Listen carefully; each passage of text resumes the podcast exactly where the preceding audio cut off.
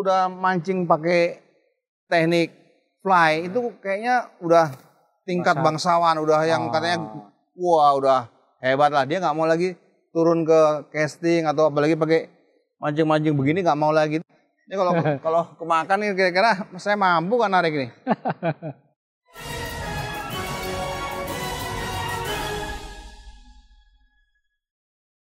Oke, saya sekarang lagi di Bandung.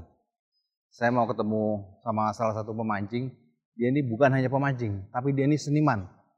Dia tuh punya jiwa seni, cita rasa yang tinggi dia. Hampir kayak empu gitu. Jadi awalnya dia mancing-mancing. Terus sekarang tuh dia nggak mau mancing kalau nggak buatan sendiri. Karena dia lihat tuh ada banyak tackle-tackle yang bagus-bagus dan dia ngerasa mampu. Jadi kita sekarang ketemu orang ini, namanya Pak Joko. Assalamualaikum Pak Joko. Waalaikumsalam warahmatullahi wabarakatuh. Wih, strike nih Pak. Waduh. Waduh. Waduh. Ikan naon? Ikan naon ini, ini? Pak? Apa ini? Eh, kok ini rotnya kok Rod zaman dulu nih Pak. zaman dulu? Ya, zaman pertama kali suka mancing. Oh ini rotnya ini rot, rot buat buatan sendiri. Buatan sendiri Pak. Waduh dari kayu apa ini Pak? Ini dari bambu. Ini ya, ini pemancing tapi juga seniman juga. Bambu cemani Pak. Bambu Cemani. cemani. Ya. Wih. Ini. Wah, ini dia tantangannya mancing pakai rod. Wih, sampai melengkung-melengkung gini ini punya mantap punya Nah, Pak. Wih. Wih. Ini ikannya nggak kecil nih. Nggak kecil ya. Ini nih seninya mancing pakai pakai joran buatan sendiri. Buatan Jadi, sendiri. Ini nih angler yang satu nih Pak Joko dia nggak mau mancing kalau bukan tackle-nya buatan sendiri. Ikannya besar nih Pak. Besar ya? Besar wih, pelan-pelan Pak, jangan dipaksa wih, Pak. Wih, jangan dipaksa wih, Pak, jangan dipaksa. Wih. Wih. Wih, wih, wih, wih, wih, wih, wih, wih. Mantap. Ini pakai mungkin lele ini mungkin. Lele mungkin Pak ya? Mungkin lele. Uh. Ini udah pakai jorannya buatan sendiri dari bambu cimani. Baru cemani. Cimani ini ini pakai eh, mononya pakai mono berapa LB berapa pound kira-kira Pak ya? Ah ini berapa ya? Ini kecil ini untuk mungkin. pakai Coba, mono ya? Iya, Mono. paling-paling ini cuman sekitar 8 pound nih. Ya. Kecil dia. Peruntukannya tadi peruntukan untuk ikan-ikan ikan-ikan mujair, Ikan tapi mujair. Wah. Nggak bisa dipaksa ya. siap. Ya. Ikannya capek atau pemancingnya yang capek nih, Pak? Pemancingnya udah capek. Ah, ayo pemancingnya, weh, weh, weh, weh, weh. Wih. Wih, lucu juga ini. Ini ngait ke jari. Wih. Mahal nih mancing begini nih, Pak ya. Mahal. Nostalgia banget nih. Nostalgia banget. Ih. Dari SD sudah mulai mancing. Dari SD. Ya, Oh. hobi mancing. Biasanya kalau mancing dulu pakai gini-gini di, ma- di mana, Pak? Biasanya di kali-kali mana, Pak? eh di sekitaran Jawa Barat ini saya paling sering Oh. sampai ke misalkan ke Ciwidey, ke Ciamis, ke Tasik. Katanya juga suka mancing benter juga, Pak. Ya, benter. Saya punya joran khusus untuk benter gitu. Emang mancing itu. bu- benter enak, Pak? Waduh, itu sama dengan mancing lele begini karena rodnya sangat kecil. Ngangkatnya juga seru. Oh. Jadi ini Sesuai perbandingan. oh. Jadi masalah size tuh gak ada masalah ukuran karena Ya. dia mesti balance tackle. Kalau umpamanya dia mancing ikannya kecil tapi tackle-nya kecil itu Man. sama aja kayak uh tuh tuh tuh kelihatan. Waduh. Wah, wah gawat. Jo Abdi Jo.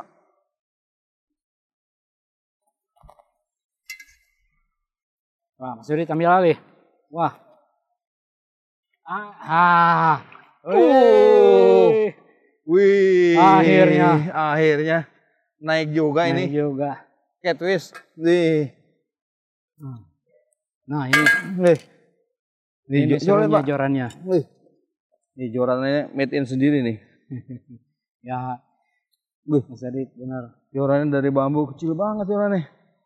Ini Ya. kayak narik babon ya pakai gini Pak ya. Ya, betul. 3 kilo ya, Ya, 3 kiloan lah nih. Kiloan Wih lumayan pakai joran gitu dapat kayak gini nih. Wih. Mantap. Mantap. Wih. Oke kita rilis kesian Di sini ya, Mas. Ya. Oke. Ya.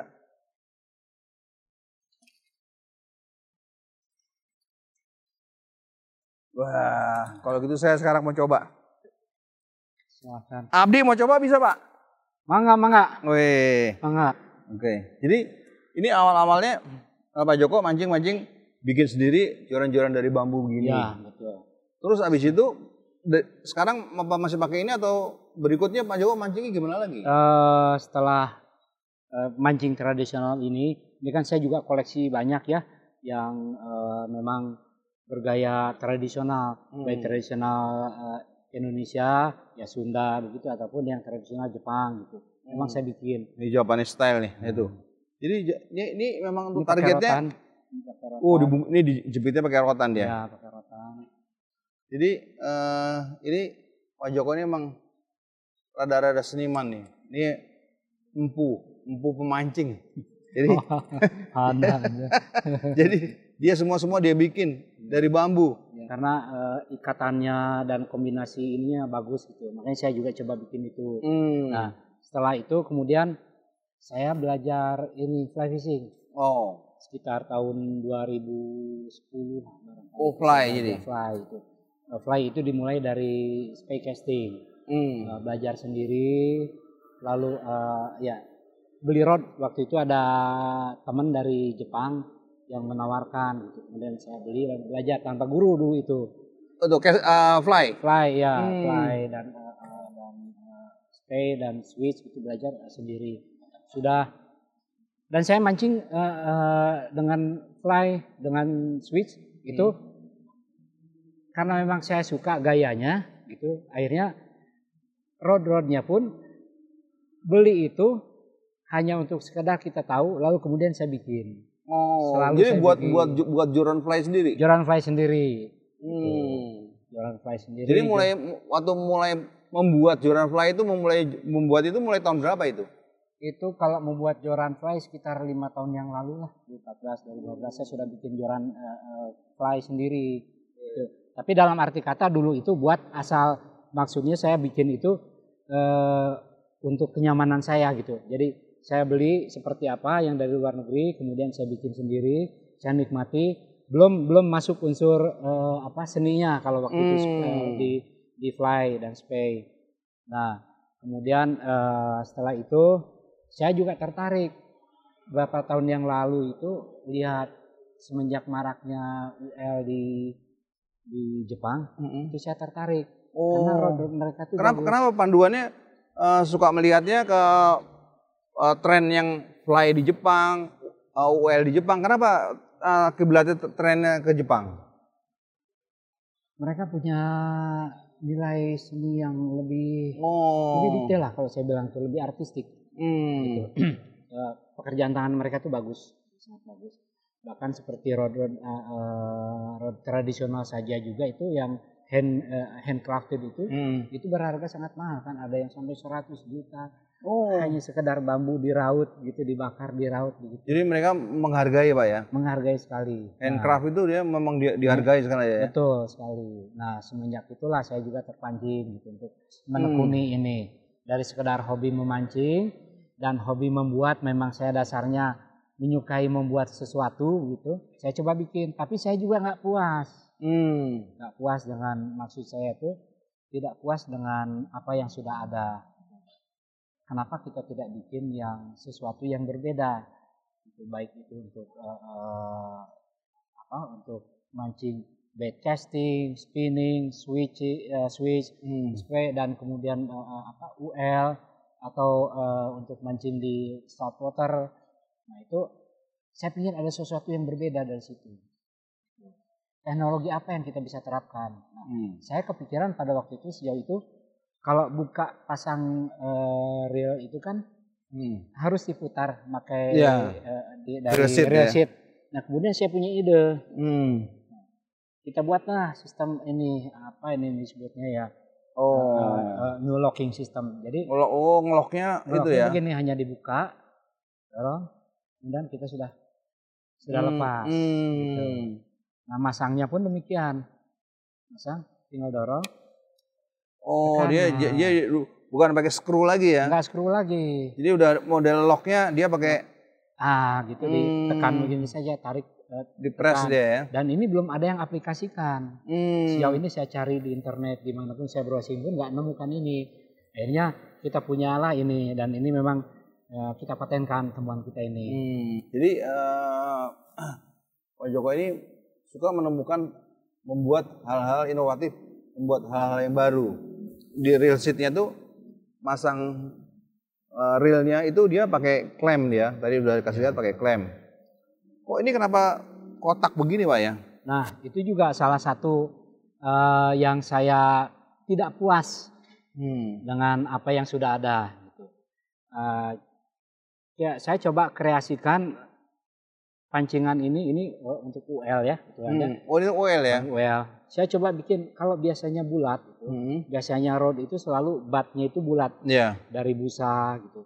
Apa eh, eh, hasrat saya di sini dalam pancingan ini membuat rod yang memang dia nggak biasa Hmm. dari yang sekedar bulat gitu. Hmm. Saya bikinkan agak berbentuk berbentuk persegi kotak gitu. Modelnya juga dia eh, apa ergonomis. yang biasanya rata-rata eh, batnya itu bulat, ini batnya kotak dia. Batnya kotak. Hmm, Model nggak model screw tapi dia ditekan, dikunci, lock, dijepit. Jadi sebenarnya lebih simpel, lebih cepat ya. Biasanya orang tuh kan gini pak, kalau mau pemancing-pemancing yang sekarang saya tahu dia tuh kalau udah mancing pakai teknik fly itu kayaknya udah tingkat Masa- bangsawan, udah yang Oh. katanya wah udah hebat lah. Dia nggak mau lagi turun ke casting atau apalagi pakai mancing-mancing begini nggak mau lagi itu gimana kok Pak Joko dari fly kok? Kalau Hmm. buat saya sih nggak ada ininya ya, sama-sama sajalah, baik itu fly maupun casting, gitu ya, ada eh, BC maupun UL gitu, eh, atau spinning sekalipun, itu sama saja. Fly punya teknik-teknik yang memang harus dipelajari, Hmm. tackle-tackle yang juga eh, memang kalau di Indonesia itu pada waktu itu memang belum belum ada, Ya. jadi masih sulit didapat, harus kita harus membeli ke luar negeri. Hmm. UL, UL sendiri juga kan punya punya tingkat kesulitan tersendiri. Betul. Belum tentu kita bisa fly kemudian kita bisa skipping. Ya. Sampai sekarang pun saya kesulitan untuk skipping.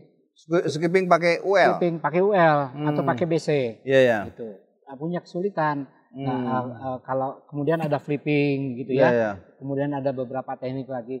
Bagi saya sih sama saja lah mau Sama- pakai UL atau ini. Ya mungkin bagi bagi beberapa orang, tapi bagi saya enggak sama saja. Sama aja ya. Sama Bahwa di saja. tingkat kesulitan kita fly sama Fly. tingkat kesulitan untuk UL tuh sama-sama mempunyai harus saja. mempunyai uh, menguasai teknik masing-masing ya. Ya, kita perlu waktu perlu waktu untuk belajar fly, perlu waktu Hmm. untuk belajar eh, eh, apa casting. Hmm. Oke, jadi kalau umpamanya kita fly dapat ikan itu sensasinya luar biasa. Kesulitan untuk menaikkan ikan itu luar biasa. Jadi dapat ikan kecil pun seharian dapat dua ekor pun itu udah benar-benar surprise, udah benar-benar luar biasa. Nah, kalau di kita casting frekuensinya strike lebih sering.